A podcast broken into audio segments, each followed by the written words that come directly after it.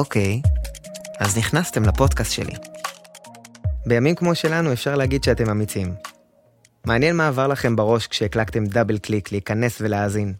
אני לא מתיימר לגלות, כל אחד ועולמו, אבל אני יכול להיות בטוח שנכנסתם מסקרנות.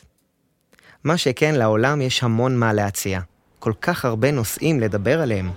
אהבה, כסף, הגשמה עצמית, איך לצאת מדיכאון, טיסות לחו"ל, לימודים, איך לגרום לבחורה לרצות אותך בשלושים יום, מה לא? על הכל כבר דיברו.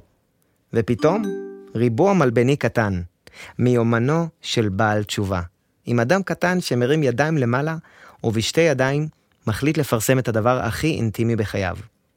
רגע, למה אני מדבר בגוף שלישי? אני מחליט לפרסם את הדבר הכי יקר לי בעולם, את היומן שלי. אבל היומן שלי לא מתחיל מגיל 12, כמו רוב האנשים שמנהלים יומן, אלא מיום הלידה עצמו. איך? אתם בטח שואלים. איך תינוק בן שנה כותב יומן?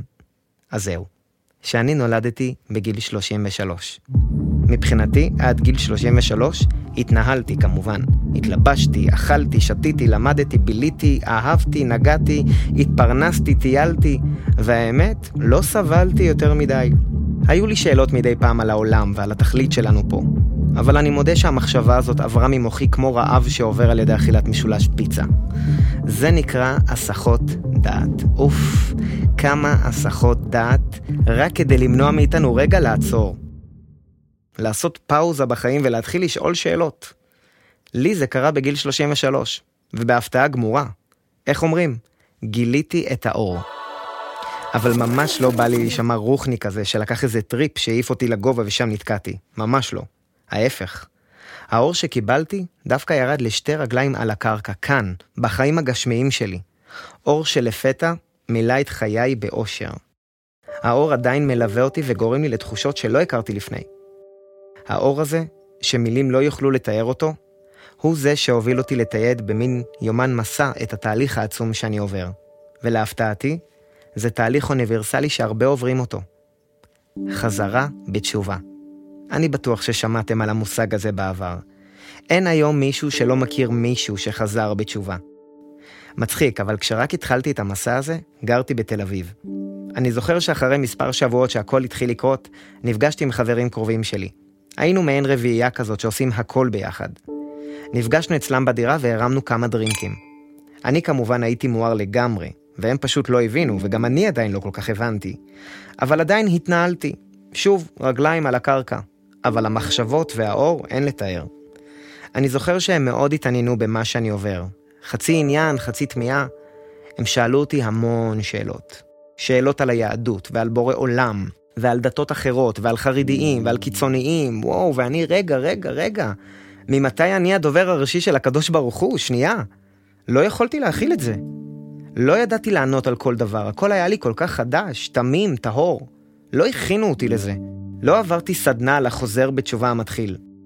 ואז ידידה שלי אמרה לי משפט שאני לעולם לא אשכח.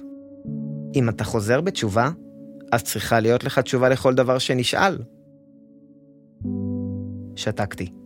חשבתי לעצמי, רגע, אולי צודקת?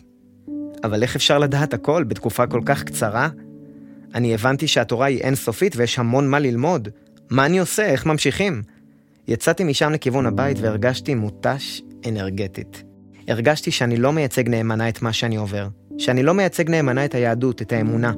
הרגשתי כמו שליח על טוסטוס שמביא ללקוח אוכל קר ויבש.